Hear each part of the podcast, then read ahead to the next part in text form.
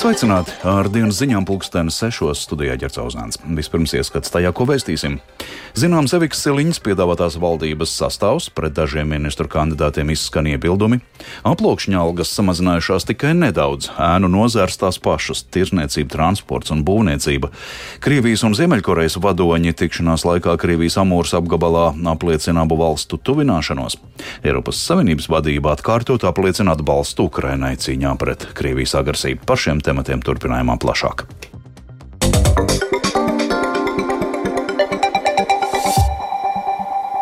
Oficiāli zināms, nākamās valdības sastāvs, ko saimā plānots apstiprināt piekdien. Ar to premjeramatam nominētā Hevika Siliņa no jaunās vienotības iepazīstinājusi valsts prezidentu Edgars Rinkeviču un valdības sociālos partnerus.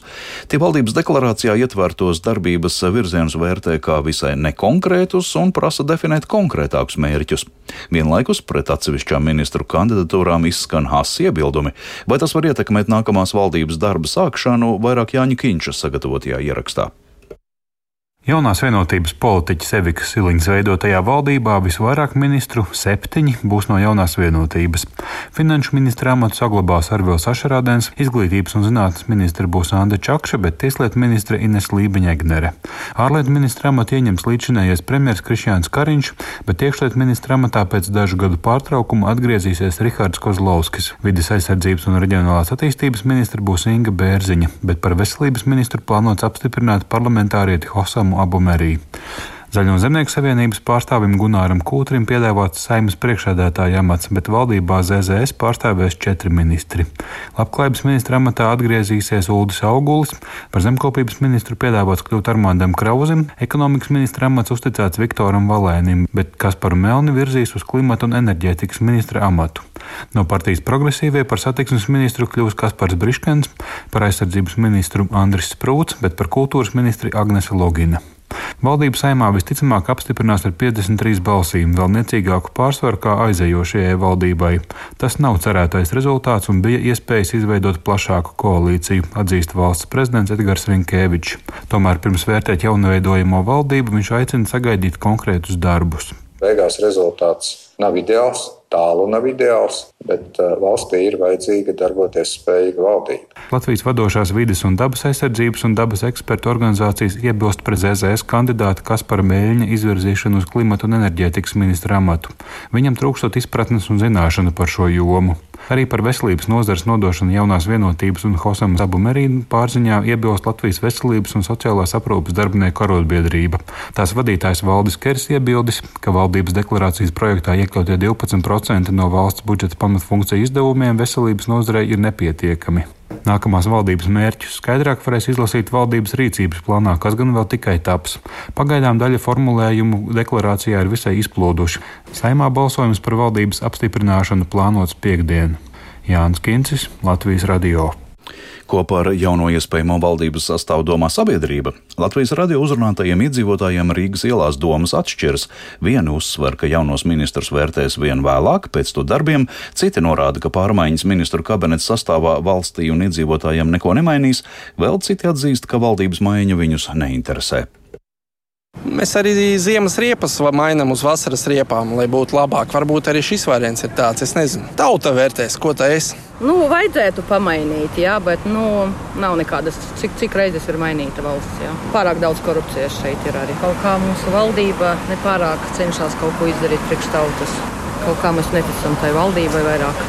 Nu, grūti pateikt tā valdības maiņā, teiksim, mans personīgais viedoklis, ka tie paši ministri maina tik savus krēslus no viena uz otru, un nekas nemainās. Jā, nu, pagaidām ir pārsteigums. Nu, bija paredzēts, ka būs plašāka, tagad ir šaurāka. Man liekas, ne labāk, bet ar vienu kaut kā sliktāk. Nē, šobrīd ne, nu, neko nekomentēšu. Dzīvos redzēs, pieņem. Grūti pateikt pašlaik.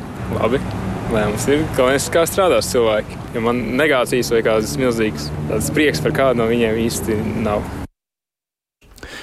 Vides aizsardzības un reģionālās attīstības ministrs Māris Sprinčuks no apvienotās saraksta nolēms no amata pienākumu pildīšanas atstādināt finanšu grūtībās nonākušās Reizeknas pilsētas domas priekšsēdētāju Aleksandru Bartaševiču no partijas kopā Latvijai. Sprinčuks uzskata, ka nauda Reizeknas pilsētas domē apzināti izsaimniekota. Plašāk par atstādināšanas procesu uzsākšanu ministrs informēs rīt. Mazumtirdzniecība un vairumtirdzniecība, transports un būvniecība - tās ir tautsēmniecības nozares, kurās visbiežāk darbinieki saņem aplokšņa algas. Šis saraksts gadu gadiem palicis nemainīgs, un arī šogad situācija šajā jomā samērā stabila, vien ar nelielu uzlabošanos. Algas nodokļu plaisa, tā ir reālo un teorētiski iespējamo nodokļu ieņēmumu starpība, pēdējos gados samazinājusies tikai nedaudz. Vairāk par to, cik daudz naudas valsts ieņēmumu dienestam tomēr izdodas iegūt un cik daudz naudas aiziet garām valsts kasei, un arī par kādu jaunu paņēmienu paņēmienu, kā iecerēts uzlabot nodokļu maksāšanu, par to vairāk Zānes Eniņas ierakstā. Nedeklarētās darba samaksas, jeb tā saucamo aploksņu algu radītā nodokļu plaisa pagājušajā gadā bijusi 17,5%, un tas ir nedaudz labāk kā gadu iepriekš.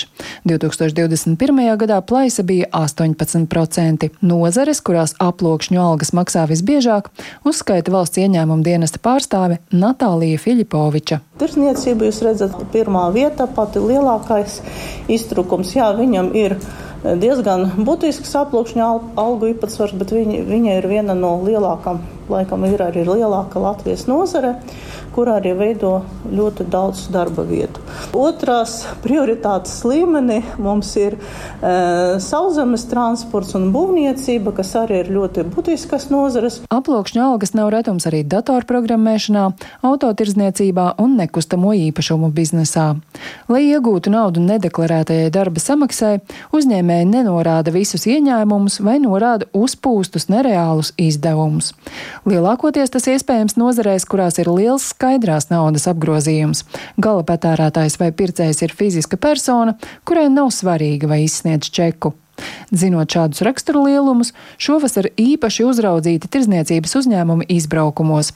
Gandrīz pusē pārbaudīto viss bijis kārtībā, bet par pārējiem stāsta valsts ieņēmuma dienesta pārstāve Santa Garanča. Viena daļa ir tāda, kas atbrauc uz turieni, viņi pat neņem līdzi kas saprāt. Nu, priekš kam ja reiz nav doma vispār viņu lietot. Nākamie, kas ir drusku piesardzīgāk, kas aparāts ir, bet nu, darbināt viņu nevajag, ja vien kāds uztaigi nepaprasa to čeku.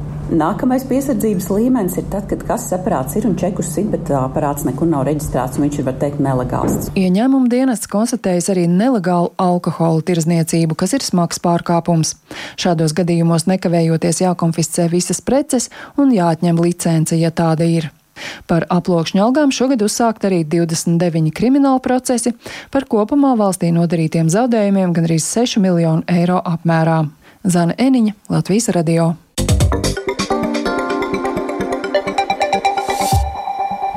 Uz draudzīgas nots šodien noslēdzās vairākas stundas ilgusī Krievijas prezidenta Vladimira Putina un Ziemeļkorejas vadoņa Kima Čenuna tikšanās kosmodromā Vostočnī, Krievijas Amūras apgabalā.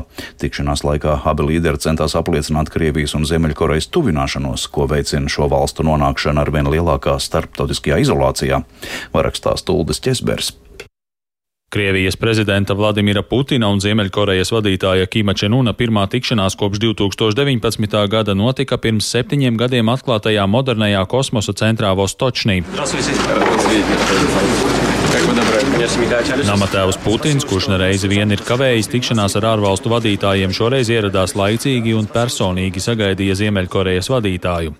Abi līderi apmainījās ar laipnībām. Putins sacīja, ka viņš ļoti priecājies atkal satikt Kimu, savukārt Kims Čenuns pateicās Putinam par ielūgumu apmeklēt Krieviju. Pēc tam viņi devās apskatīt kosmodromu un ekskursijas laikā žurnālisti Putinam jautāja, vai Krievija varētu palīdzēt Ziemeļkorejai attīstīt tās kosmosa programmu. Putins atbildēja, ka Ziemeļkorejas līderis izrādot lielu interesi par raķešu tehnoloģijām, tāpēc abi arī tiekoties kosmodromā. Jāpiebilst, ka Ziemeļkoreja šogad divas reizes mēģināja palaist izplatījumā izlūkošanas satelītus, bet abi mēģinājumi bija neveiksmīgi nesēja raķešu defektu dēļ. Pēc kosmodroma apskates Putins un Kims sēdās pie sarunu galda. Tikšanās norisinājās aiz slēgtām durvīm, bet pirms sarunas Putins medijiem sacīja, ka viņš ar Kimu apspriedīs visa veida jautājumus. Savukārt Kims Čenuns paziņoja, ka viņš atbalsta Putina lēmumu iebrukt Ukrainā, jo tā esot Krievijas svētā cīņa, lai aizsargātu savu suverenitāti un drošību. Viņš arī piebilda, ka Ziemeļkoreja un Krievija kopā cīnīsies pret imperiālismu, ar ko visticamāk bija domāta pretstāve ASV. Tikšanās aizritēja draudzīgā gaisotnē, jo tā bija iespēja gan Putinam, gan Kimam parādīt savas valsts iedzīvotājiem un arī plašākai pasaulē, ka Krievijai un Ziemeļkorejai par spīti sankcijām un centieniem šīs valstis starptautiski izolēt pasaulē joprojām ir draugi un sabiedrotie. Kims Čenuns pēc tikšanās uzreiz nedavās atpakaļ uz Ziemeļkoreju. Viņam ir paredzēts doties uz Krievijas tālo austrumu pilsētu Komsomoļsku pie Amūras, kur viņš apmeklēs vietējo aviācijas rūpnīcu, kur ražo gan militāros, gan civilos lidaparātus. Uldis Česberis, Latvijas radio. Eiropai ir jāturpina īstenot zaļā un digitālā transformācija, arī jāaizsargā savu uzņēmumu no negodīgas ārvalstu konkurences. Tas bija viens no galvenajiem Eiropas komisijas priekšstādātais Urzuls Fonderlejenas veistījumiem, kas šorīt Strasbūrā izskanēja viņas igadējā uzrunā par stāvokli Eiropas Savienībā. Fonderlejena izteica arī atbalstu Ukrainas, Moldovas un Balkānu valstu uzņemšanai blokā. Eiropas komisijas priekšstādātāji arī paziņoja, ka rosinās pagarināt Ukrainas bēgļu juridisko aizsardzību Eiropas Savienībā. We will be at Ukraine's side every step of the way, for as long as it takes. Mēs būsim līdzās Ukrainai visa ceļa garumā, tik ilgi, cik vajadzīgs. Kopš kara sākuma 4 miljoni ukraiņu ir raduši patvērumu mūsu savienībā. Es vēlos viņiem teikt, ka viņi joprojām ir tikpat laipni gaidīti kā pirmajās, liktenīgajās nedēļās. Mēs esam nodrošinājuši, ka viņiem ir pieejami mājokļi, veselības aprūpe, darba tirgus un daudz vairāk. And much more.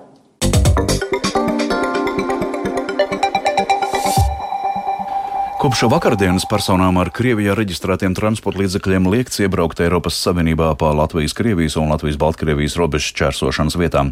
Valsts ieņēmuma dienests šādu lēmumu pieņēmis balstoties uz Eiropas komisijas skaidrojumu un ārlietu ministrijas rekomendācijām attiecībā uz sankcijām par preču ieviešanu no Krievijas. Turpmāk sankcijas attieksies arī uz personīgiem automašīnām.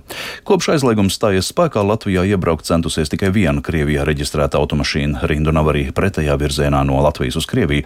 Grebņevs robežu robežu kontrolas punktā uzrunātie autovadītāji šādu lēmumu vērtē negatīvi, bet plašāk Lauras ieviņas ierakstā. Ir trešdiena. Latvijas-Krievijas robežkontroles punkts Kārsavas novada Grebņevā. Šodien mašīnu, kas vēlas šķērsot Latvijas robežu un iebraukt Krievijā, ir pavisam maz. Jevģēnijas brauc no Kijevas uz Maskavu. Par aizliegumu Krievijā reģistrētiem transporta līdzekļiem iebraukt Latvijā no Krievijas un Baltkrievijas ir dzirdējis. Nu, kā, tas nav pareizi. Tas taču ir privāta īpašums. Kā Eiropas Savienībā demokrātiska valsts var konfiscēt cilvēku īpašumu? Tā nav demokrātija. Genādijs ir Ukrainis, kurš pašlaik strādā Lietuvā un šobrīd dodas apciemot meitu Maskavā. Ну, это, конечно, плохо. Людям все равно ехать надо. Люди Slikti. Cilvēkiem taču tāpat ir jābrauc. Kādam darba darīšanās, kādam atpūtā. Karš ir vienā vietā, bet te vienalga cilvēki apgrozās un viņiem ir jābrauc.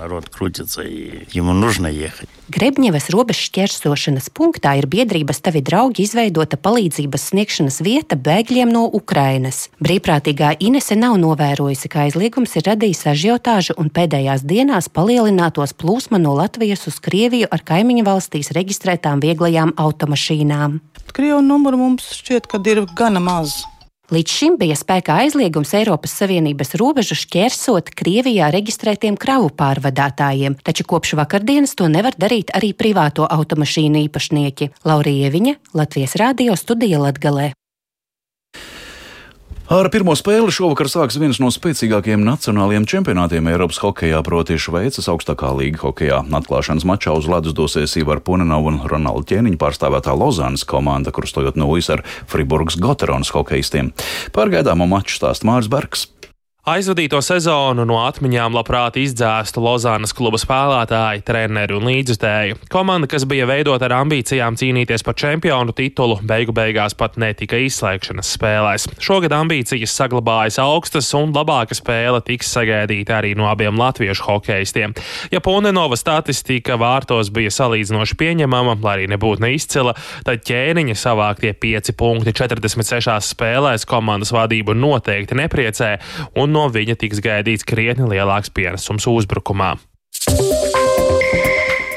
Līdz ar to izskan dienas ziņas sešos. Tās producēja Edgars Kopčs, par labskaņu rūpējās Katrīna Bramberga un Kaspars Groskops studijā ģercauzāns vēl par svarīgāko. Zināms, Eviks Siliņas piedāvātās valdības sastāvs pret dažiem ministru kandidātiem izskan iebildumi. Aplūkšņa algas samazinājušās tikai nedaudz, zēnu nozares tās pašas - tirzniecība, transports un būvniecība. Krievijas un Ziemeļkorejas vadoņi tikšanās laikā apliecina abu valstu tuvināšanos, bet Eiropas Savienības vadība atkārtot apliecina atbalstu Ukrainai. Yeah. Rīgā 26 grādi, dienvidrietumu vējš 4 m2, atmosfēras spiediens 761 mm un relatīvais mitrums 56%, bet kāda laika apstākļa Latvijā gaidām turpmāk stāsta Toms Brīsis. Naktī uz ceturtdienu Latvijas čērsos lietus un negaisa mākoņi. Stiprākie negaisa gaidāmi kurzemē, bet dienā līs vērs tikai valsts austrumos. Negaisa laikā lokāli iespējams stipras vēja brāzmas un krusta. Pēc negaisiem iegriezīsies brāzmains ziemeļvējš naktī jūras piekrastē, no rīta un priekšpusdienā Rīgas līča piekrastē, tostarp Rīgā brāzmas 20-24 m2 un iespējami nelieli postījumi. Nedēļas nogalē laiks kļūs rāmāks, naktis dzestras 4 līdz 9 grādi piekrastē 14 grādi, dienās 15-20 grādi svētdien valsts dienvidos līdz 23 grādiem.